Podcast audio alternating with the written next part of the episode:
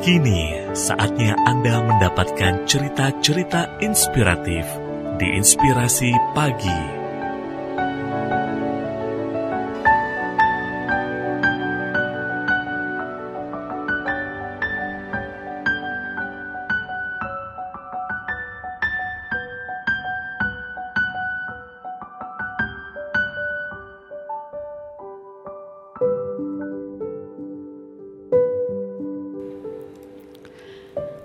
Alasan mengapa memiliki satu sahabat saja tak cukup di usia dewasa.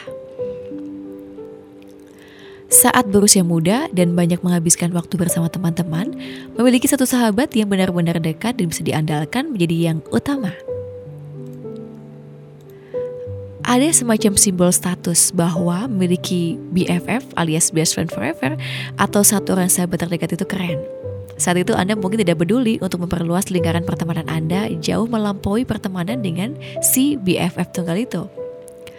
Tapi begitu Anda mencapai usia dewasa, Anda mulai merasa sekarang saatnya untuk merasa memiliki lebih dari satu teman dekat dan merasa memiliki hubungan persahabatan yang tidak hanya sekedar saling memiliki dan persahabatan yang menonjolkan status semata. Anda menyadari bahwa Anda benar-benar bisa memiliki lebih dari satu orang sahabat yang bisa melihat sisi terburuk Anda. Di saat bersamaan, hanya menginginkan yang terbaik untuk Anda. Dan inilah alasan mengapa memiliki satu orang teman terdekat di masa dewasa adalah hal yang tidak mungkin terjadi. Yang pertama, memiliki banyak sahabat bukan berarti memiliki hubungan yang lemah dan tidak mendalam.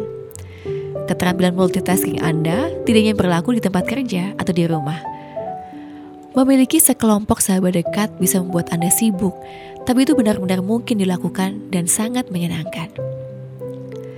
Kedua, Anda telah tumbuh dewasa. Setelah dewasa, Anda semakin tidak punya keinginan menunjuk satu dua orang sebagai itu sahabatku, BFF saya, atau apa pun. Sebagai orang yang sudah dewasa, Anda tidak lagi menjustifikasi hubungan mendalam Anda dengan teman Anda dan merasa tidak perlu memberitahu hubungan Anda. Ketiga, tidak ada batasan jumlah teman terbaik yang bisa dimiliki seseorang. Jika seseorang menggunakan kata terbaik untuk menggambarkan posisi Anda pada hierarki teman mereka, kemungkinan besar Anda bukan satu-satunya terbaik dalam kehidupan mereka. Dan bahkan jika mereka melakukannya, mengharapkan seseorang untuk menilai orang lain di atas orang lain dalam kehidupan mereka menunjukkan bahwa harus ada persaingan di antara teman-teman.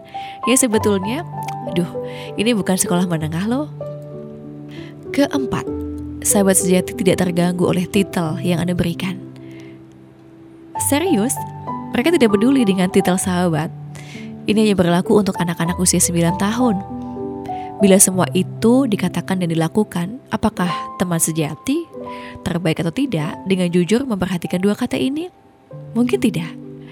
Tindakan lebih jauh daripada sekedar titel, dan sebagai salah satu dari banyak BFF Anda, mereka seharusnya sudah tahu seberapa besar Anda menghargai mereka tanpa perlu Anda beritahu. Kelima, terkadang BFF tunggal saja tidak cukup. Bagi Anda yang bersikeras hanya memiliki satu sahabat, itu cukup luar biasa jika dikaitkan dengan bagaimana Anda menangani krisis saat keluarga atau pasangan Anda tidak ada. Dan yang keenam, gagasan satu BFF terdengar posesif. Siapa sih yang tidak suka ketika orang-orang yang mencintai kita mengungkapkan betapa mereka peduli terhadap kita? Tapi tidak ada yang lebih buruk daripada sahabat yang harus merasa memiliki hak eksklusif dan akses terhadap segala sesuatu yang ada di kehidupan Anda. Dan begitu pula sebaliknya, ia bukan milik Anda dan Anda bukan miliknya. Kerebuti Malda Renungan ini bersumber dari aura.tabloidbintang.com. Untuk inspirasi pagi, Imal Rafam.